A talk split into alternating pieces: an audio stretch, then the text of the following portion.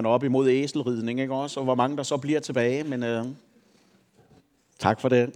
Simpelthen så godt. Det, som er øh, prædiketeksten til i dag, det er Matteus evangeliet kapitel 21, vers 1 til og med vers 11. Og øh, jeg har sat det ind her, Carsten. Vil du bare hakke frem, mens jeg lige øh, læser sådan, ikke? Det er super. Og der står sådan her, vi vil rejse os op, og så høre, hvad øh, Matthæus han skriver. Der står sådan her.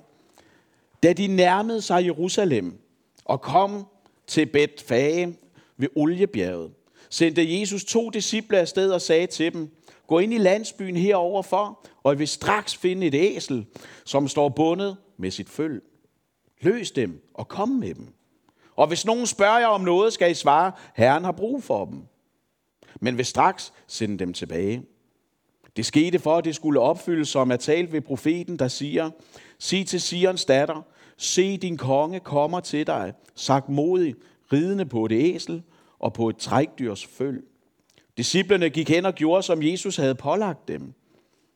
De kom med æslet og følget og lagde deres kapper på dem, og han satte sig derpå.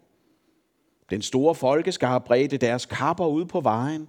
Andre skrev grene af træerne og strøede dem på vejen. Og skarne, som gik foran ham, og de, der fulgte efter, råbte, Hosianna, Davids søn, velsignet være han, som kommer i Herrens navn. Hosianna i det højeste. Da han nåede ind i Jerusalem, blev der røre i hele byen, og folk spurgte, hvem er han? Og skaren svarede, skaren svarede, det er profeten Jesus fra Nazareth i Galilea. Det er Guds ord. Amen. Værsgo og sid ned. Vi vil øh, fortsætte med at bede sammen. Kære Gud og far i himlen, tak fordi vi har dit ord, som vi nu kan samles om. Jesus, jeg beder dig om, at uanset om vi er på den ene side af muren her, eller inde på den anden til børnekirke, så beder jeg dig om, at, at det ord, der bliver forkyndt nu, at det må være et ord, der slår rødder i vores liv, i vores hjerte, i vores sind. Bær dig om, at det må skabe en genklang, at det må resonere i os. Og Jesus, du ser jo, der er ikke nogen af os, der er kommet herinde fra et vakuum. Vi har alle sammen båret noget med. Noget, vi er fyldt af, noget, vi er optaget af. Noget, som måske presser. Det kan også være, at vi bare er trætte. Så Jesus, jeg beder dig sådan om, at du må komme nu og skubbe vores hverdag en lille smule til side, så vi kan finde hvile for vores tanke og for vores sjæl og for vores sind, så vi kan høre det, du har at sige, og tage imod alt det, som du vil give os fra dig selv. Amen.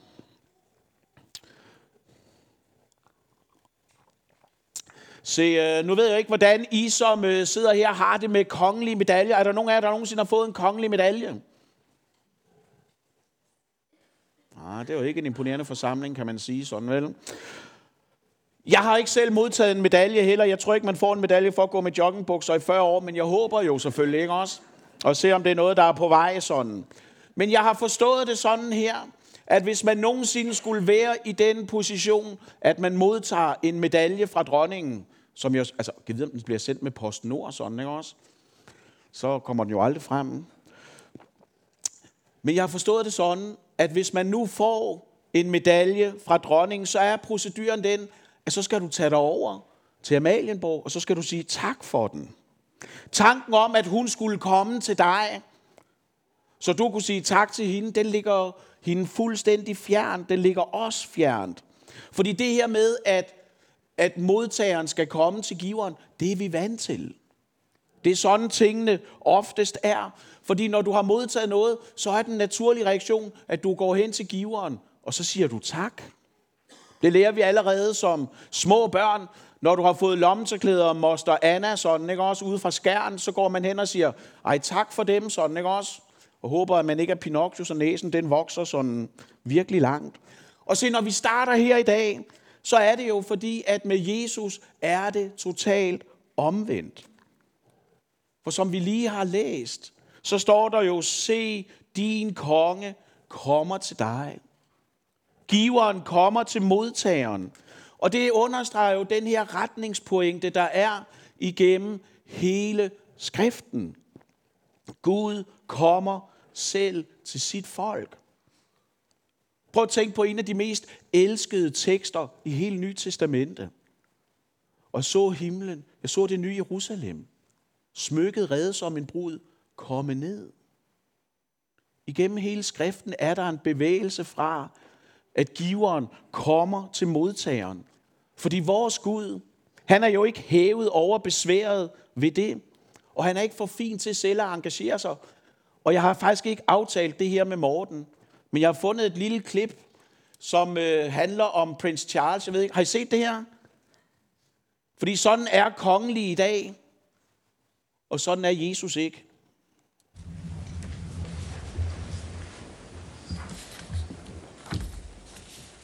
Ja, man skulle jo tro, at han selv kunne flytte det sådan, ikke? Men det er åbenbart, det er åbenbart hævet over en kongelig sådan, ikke også? I den gamle pagt, der skulle folket gå til Jerusalem for at møde Gud. Det er derfor, der er masser af mennesker samlet den her søndag, hvor Jesus rider ind i Jerusalem. Man skulle op til templet for at ofre, for at møde Gud. Men i den nye pagt, der sender Jesus jo sine disciple ud til verdens ende for at møde folk med evangeliet. Retningen er vendt om. Og derfor er det jo, at vi samles i dag til Guds tjeneste. Både på den her side af muren, i voksenhøjde, og inde på den anden side, i børnehøjde. Fordi vores konge kommer til os. Jesus han kommer ikke for at være gæst eller for at være turist i dit liv, men for at flytte ind på dit hjertes trone. Det er derfor, vi lige har sunget, jeg hjertet større vil åbne dig. Sådan at Jesus kan sidde derfor, når Jesus sidder på dit hjertes trone, så er det ham, der styrer. Så er det hans vilje, vi beder om, der måske. For dit hjerte, det er jo ikke det kompas, Jesus styrer efter. Som teksten i dag viser os, så er der kun to muligheder, når Jesus kommer. Enten så kroner du ham, eller også så korsfester du ham. Men inden vi ser nærmere på det, så skal vi som altid lige have sat scenen for vores tekst, og altså den helt nære kontekst. Slutningen af kapitel 20 i Matthæus det kommer vi til om lidt, så det springer vi lige over. Så derfor så zoomer vi nu ud på det lidt større billede. Og hos Matthæus, der er det større billede, at det er det første gang, Jesus han drager ind i Jerusalem. Vi ved fra de andre evangelier, Jesus har været der før, men ikke i det her evangelium. Matthæus han har fokuseret på Jesu tjeneste op i det nordlige af landet, hvordan han har været rundt og gør under, hvordan han har undervist, hvordan han har helbredt. Men nu er Jesus kommet til hovedstaden. Nu er, kom, nu er Jesus kommet for at fejre påske og for at give sit liv i offerdyrenes sted. Og det er den store kontekst før vores tekst, og den store kontekst efter vores tekst. Det er, at det her evangelium, det slutter jo med, at Jesus han forsikrer sine disciple om, at han har al magt i himlen og på jorden, med streg under, at han har magten, som i evig nutid, uden ophør og begrænsninger. Den magt, Jesus han sender sine disciple ud med, er jo ikke en magt, han har fået som præmie efter opstandelsen. Den havde han faktisk også før. Vi er her i begyndelsen af den stille uge, altså palmesøndag. Det er jo ikke sådan, at da Jesus han rider ind i Jerusalem på det her æsel, så er det ikke sådan, at han begynder at lægge magt. Det er ikke sådan, at han gradvist bliver mere og mere tømt for magt efterhånden, som dagene går. Så han til sidst står fuldstændig magtesløs tilbage i Gethsemane have. Det er jo ikke tilfældet. Da Jesus bliver fanget, der er han ikke magtesløs, men han er ydmyg, og han er lydig. Så han bliver pint, han bliver plaget, og han bliver henrettet. Fordi han gav afkald. Fordi han var lydig indtil døden på et kors, som Paulus skriver. For derigennem så opfyldte han jo Guds løfter. Når Paulus skal konkludere på, hvad var det, Jesus opnåede i sit liv, så siger han jo, alle Guds løfter har fået deres ja i ham. Og der er jo virkelig mange løfter i Gamle Testamente, hvor Gud har lovet noget, Gud har forudsagt noget, og vi har ikke tid til at gennemgå dem alle sammen. Så vi zoomer bare ind på det allerførste. Hvad er det første løfte, Gud giver i Bibelen? Der er en bakke citroner til overs fra julefrokosten i går, så den kan man vinde, hvis man svarer rigtigt her. Hvad er Guds første løfte?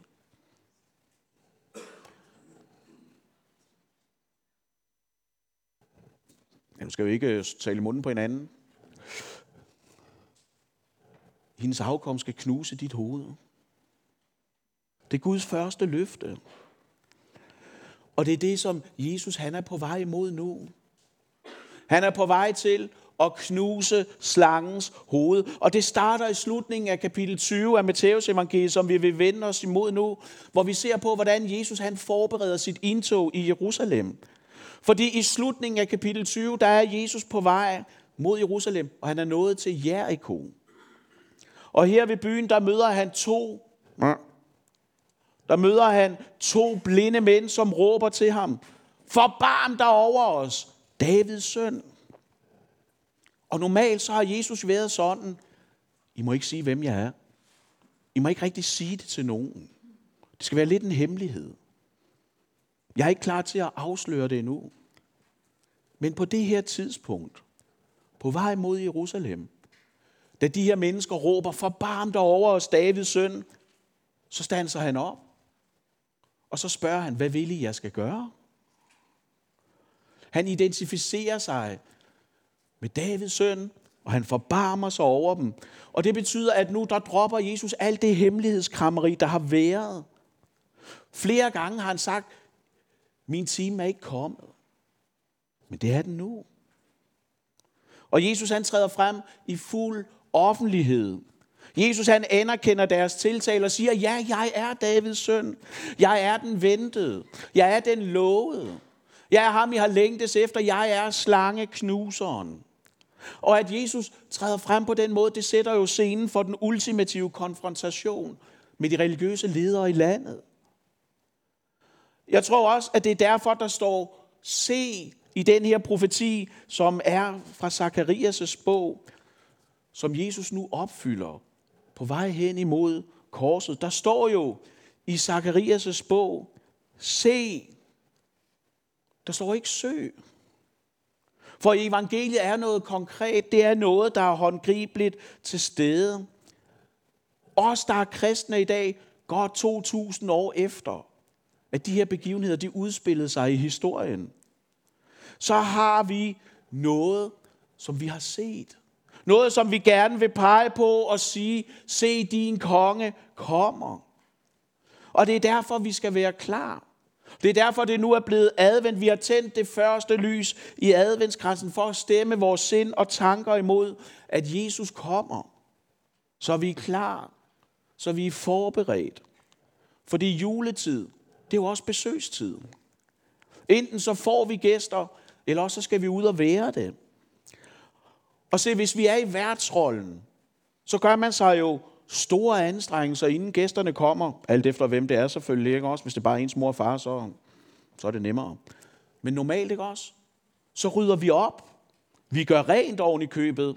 Vi køber ind, og så når folk kommer, så underspiller vi det hele en lille smule og siger, ah, ved du hvad, vi nåede jo ikke at blive helt færdige, sådan, selvom det står så snor lige, som det aldrig har gjort den sidste uge. Er der nogen, der kender det? Det kender du godt? Nej, det, det kender jeg også godt sådan, ikke også? Og Jesus han forbereder sig altså på en måde, så selv Egon Olsen ville blive misundelig sådan, ikke også?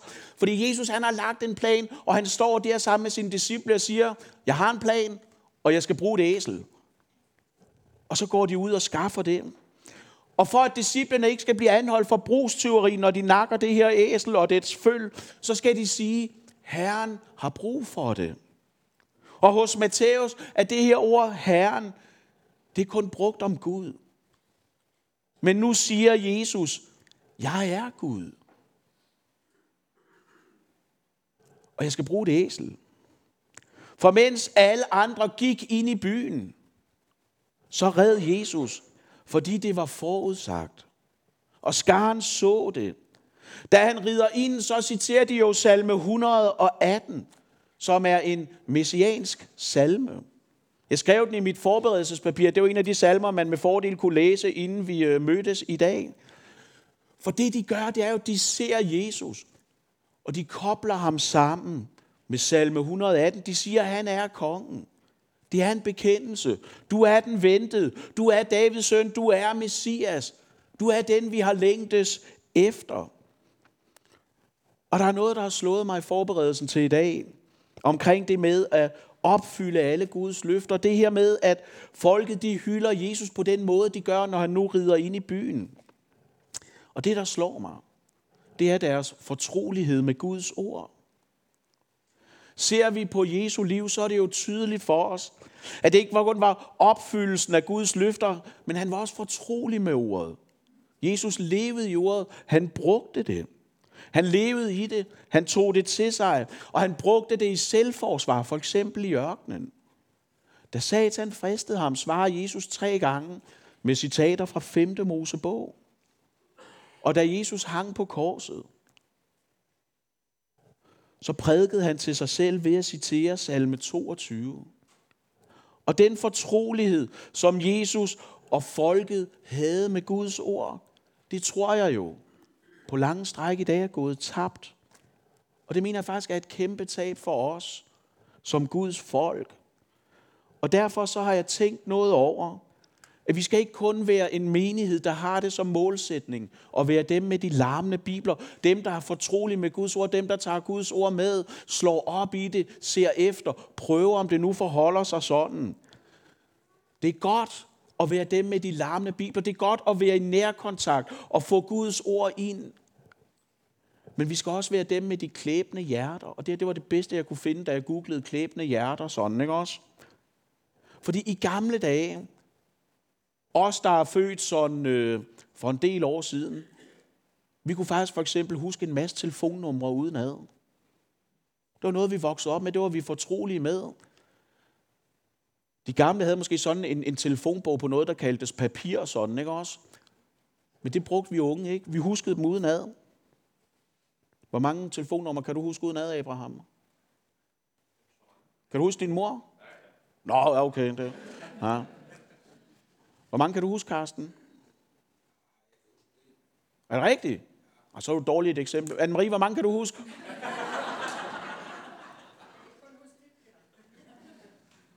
Det passer ikke, men øh, det... men altså, sagen er jo sådan, ikke også? At i dag, så, så bruger vi ikke tid på, på at lære dem uden ad.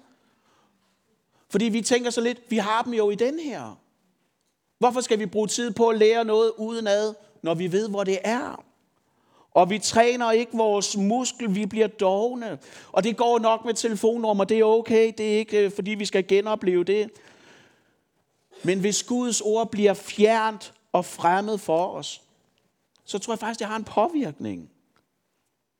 Så bliver vi, og det er sat lidt på spidsen, men forstå mig ret, så bliver vi jo dem med de tomme hjerter, der ikke grunder Guds ord. Grunder over Guds ord, fordi vi ikke har gemt dem. Og derfor så vil jeg på kirkens nytårsdag, som det jo er i dag, så vil jeg gerne komme med et forslag til et kollektivt nytårsforsæt for os som menighed. Nemlig at i det kirkeår, der nu ligger foran os, 52 uger, der vil vi prøve at lære et nyt bibelvers uden ad hver uge. Så vi opbygger gode åndelige forråd og tære på. Så vi ikke kun er menigheden med de larmende bibler, men faktisk også dem med de klæbende hjerter, hvor ordet lever, hvor det lærer sig i vores sind og vores tanker. Så det jeg vil prøve helt konkret, det er at huske, at hver mandag, det kommende kirkeår, så vil jeg prøve at lægge et bibelvers ud på KVS fritid, som jeg mener, der er centralt og godt, og så kan I prøve at se, om I kan lære det uden ad derhjemme. Og jeg er helt overbevist om, at det ikke altid vil være nemt, men jeg er overbevist om, at på den lange bane, så er det velsignet os rigt. Det her med, at vi har et åndeligt forråd, at der er gode bibelske grundsandheder, der klæber sig til vores hjerte, så vi kan grunde over dem. Og vi er jo heldigvis også i den situation, at rigtig mange bibelvers, de har også fået en melodi. Der er gode folk, der har siddet og skrevet melodier til bibelvers, og nogle gange, så vil jeg gå ind og finde et bibelvers, der er skrevet, og jeg tror oven i købet nogle gange, så er det børn herfra, der har lavet fakter til dem. Og så på den måde, så kan vi kollektivt øve os i at synge bibelvers ind i hjertet. Om I er med på det, det har jo ingen anelse om. Men vi starter i morgen. Og så må vi jo se sådan, ikke også? Og så bare lige en ting, inden vi skal videre. Der er en lydighed hos disciplene her i Jesu forberedelser, som jeg godt kan lide. Og som jeg tænker er inspirerende. Fordi Jesus han gav dem en opgave, som man tænker sådan lidt. Okay, altså vi ved, at sker torsdag aften, om fire dage, så vil disciplene sidde og skændes om, hvem er den største. De prøver at tælle baglæns for at lave et, et hierarki, så man ved, hvem er det, der skal vaske fødderne på de andre. De vil gerne gøre store ting, de vil gerne have æren, de vil gerne være en del af, af, af det, som folk beundrede. Og så siger Jesus til Torben, I skal skaffe mig det æsel. Det lyder underligt. Men prøv at høre, deres lydighed var jo vigtig i opfyldelsen. Vi beder måske dagligt, ske din vilje, og i den bøn, der stiller vi os til rådighed for Gud.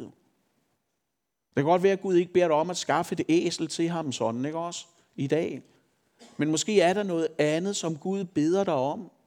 Som Gud lægger dig på sinde, som Gud lægger dig på hjerte. Det kan være en opgave, det kan være et menneske. Og jeg vil bare sige, der er velsignelse i at følge Guds bud midt i den hverdag, Gud har sat os i. Det er ikke sikkert, at disciplene, da de hentede æslet, koblede det samme med Zakarias' bog. Det var først bagefter, i tilbageskolen, det gik op for dem, at de havde hjulpet på en særlig måde her ved at skaffe et æsel. Det så ikke ud af meget, men det var en opfyldelse. Det var en velsignelse. Og sådan kan det også være i vores liv, at nogle gange kalder Gud os til noget, hvor vi tænker, det var da underligt. Hvor vi tænker sådan lidt, vi prøver at forhåndsanalysere, om det nu også kan være rigtigt, om det nu også kan give mening. Og derfor kan vi måske nogle gange blive en smule nølende eller en smule tøvende i vores efterfølgelse. Og det vil jeg bare helt stilfærdigt advare imod. Gud han har det store overblik. Gud han har ikke mistet overblikket, herredømmet eller magten. Så nu Gud kalder dig til noget, så vil min udfordring jo være at sige, ja herre, her er jeg, send mig. Og så gør det. Fordi vi på den måde er med til at være et redskab i Guds hånd, der er med til at klargøre verden til den dag, kongen kommer. Som er det, vi vil vende os mod nu. For det skete jo, altså kongen kom jo sagt mod ridende på et æsel. Og folket de hyldede ham. For de så jo i ham opfyldelsen af et bibelsk håb. De havde en forventning, som de ikke havde hentet fra deres omstændigheder. Og det er nu, vi er inde ved noget af det, der godt må være gudstjenestens eko den næste uge, tænker jeg. Til de her folk, ikke også, de var jo besat af den stærkeste militærmagt, magten kendte, verden kendte. Og de havde ikke noget håb om at kunne vriste sig fri af den. Så deres frimodighed, deres glæde, den hentede de i noget andet end det, de kunne se. De hentede den fra Guds ord. Og vi skal gøre det sammen. Deres hyldest, deres lovsang, det var gennemsyret af bibelske forhåbninger. Og jeg er helt med på, at det kan være svært at se noget som helst, når kongen kommer til os på noget, der ikke matcher vores forventninger. For Jesus han kom jo ikke på den her stridshest, han kom ikke med den her store guldvogn, hvor der stod en bagved sådan med en palmesejrskrans over hans hoved. Han kom på et æsel. Og jeg tror jo, at nogle gange, så kommer Jesus til dig i noget, som i det ydre ikke synes er meget. Han kommer i ordet, han kommer i sakramenterne, han kommer i det kristne fællesskab.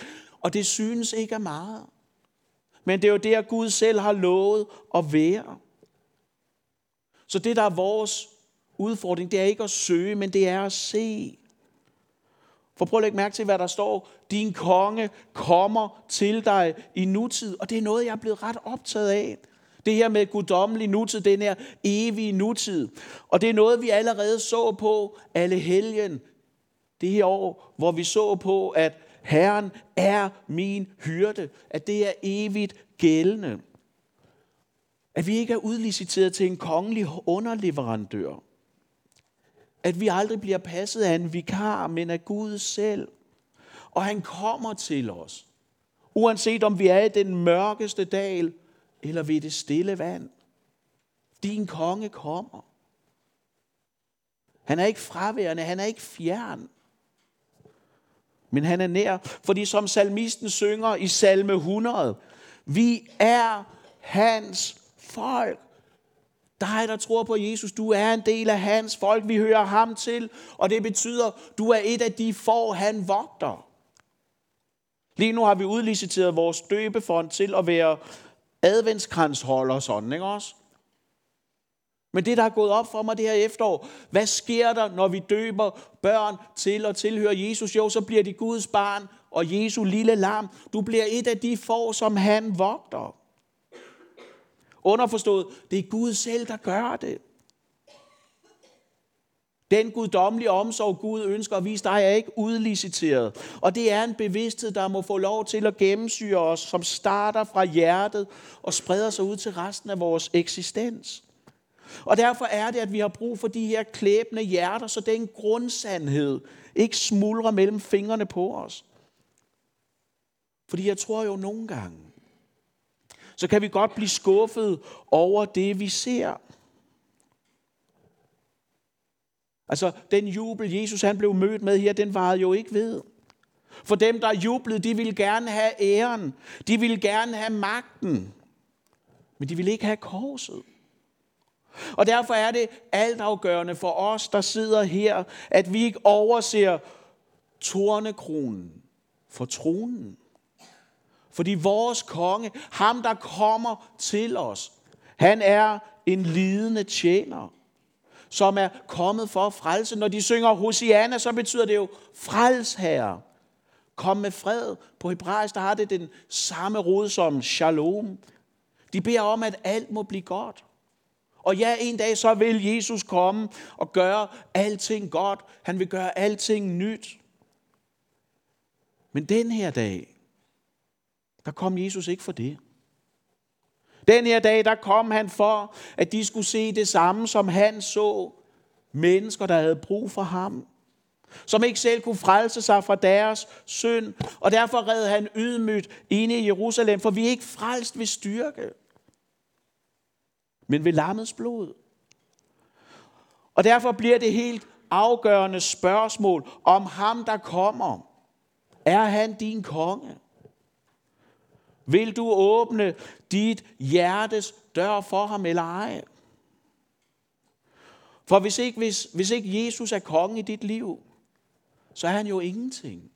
Så har du overflødigt gjort ham både i livet, men også i evigheden. For prøv at høre, du kan, jo ikke, du kan jo ikke dele Jesus op.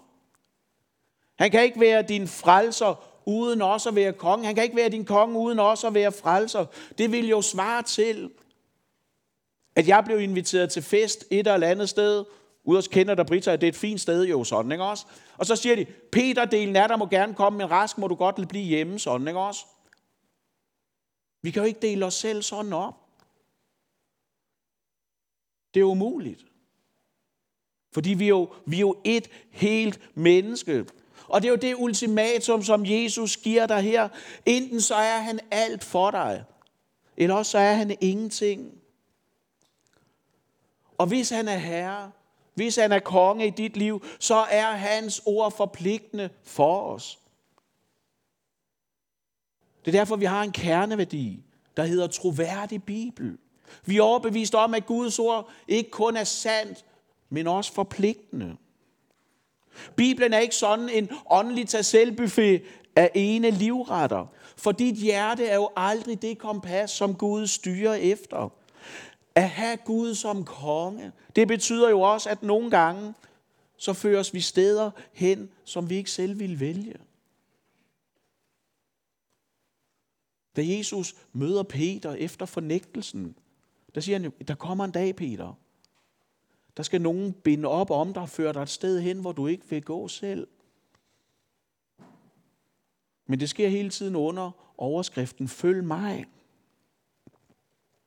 Og derfor er det så afgørende, at vi, der lever i dag med en galopperende sekularisering, der kan synes og skubbe vores grænser mere og mere tilbage. Vi ryger mere og mere i åndelig defensiv så har vi brug for at hente vores frimodighed i Guds ord frem for vores omstændigheder. Og jeg mener faktisk, at Bibelen giver os anskuelsesundervisning omkring det, fordi Paulus og Silas sang lovsangen i fangehullet. Som en understregning af, at som Guds folk, der er vi tit et lidende, trøstet folk, der synger lovsangen i mørket.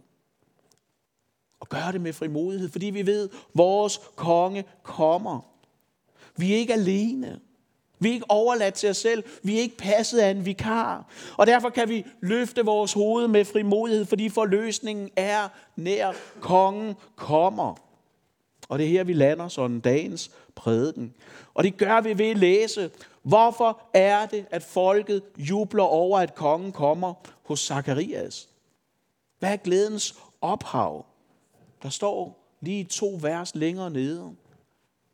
For pagtsblodets skyld sætter jeg fri. Hvad er det, der er redningen? Hvad er det, der er vores håb? Det er blodet.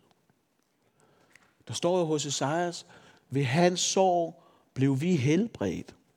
Og derfor er selv den mindste tvivlsplade tro stadigvæk en frelsende tro, for det handler aldrig om din styrke, men om kongen, der kom på æslet. Og det med, at han var lydig indtil døden på et kors. For da han døde der, så gjorde han det med din skyld på sig. For at han kan være din hjertes konge. Og derfor så vil korset jo aldrig blive glemt. Vi har før talt om, at en dag på den nye jord, der vil døden være en museumsgenstand. Det vil være noget fortidigt. Fordi vores konge er det slagtede lam med korsets mærker. Den dag Gud selv på den nye jord vil tørre alle dine tårer væk, så vil det være med den navlemærkede hånd. Vi er der ikke endnu. Indtil der, så lever vi stadigvæk i Herrens hus, som vi så på alle helgens søndag. Og hvad betyder det? At jeg lever alle mine dage i Herrens hus? Jo, det betyder, at Herren er med os, og Jakobs Gud er vores borg. Du må få lov til at være tryg, for Gud er med dig. Du er ikke passet af en vikar. Og når vi lever der i Jakobs Gud, så er der ingen fordømmelse, der kan nå os. For der, der har vi passet af den navlemærkede frelser selv. Ham, der i dag kommer til dig med noget og frelse, for der aldrig skal være nogen adskillelse imellem dig og ham. For han kom, han så, og han sejrede. Lad os bede sammen. Kære Gud og far i himlen, jeg beder dig sådan om, at når du kommer til os, at du så må finde vores hjerte større åben. At du må få lov til at være konge, herre og frelser i vores liv. Og Jesus, du ser nogle gange, så kan vores frimodighed skrumpe. Fordi der er så meget, der synes at presse os. Der er så meget, der synes at gå baglæns. Hjælp os til at hente vores frimodighed i dit ord. Og finde hvile i, at når du er vores borg, så behøver vi ikke at frygte noget som helst. For du er den stærkeste. Dengang, nu og i al evighed. Amen. Vi synger nu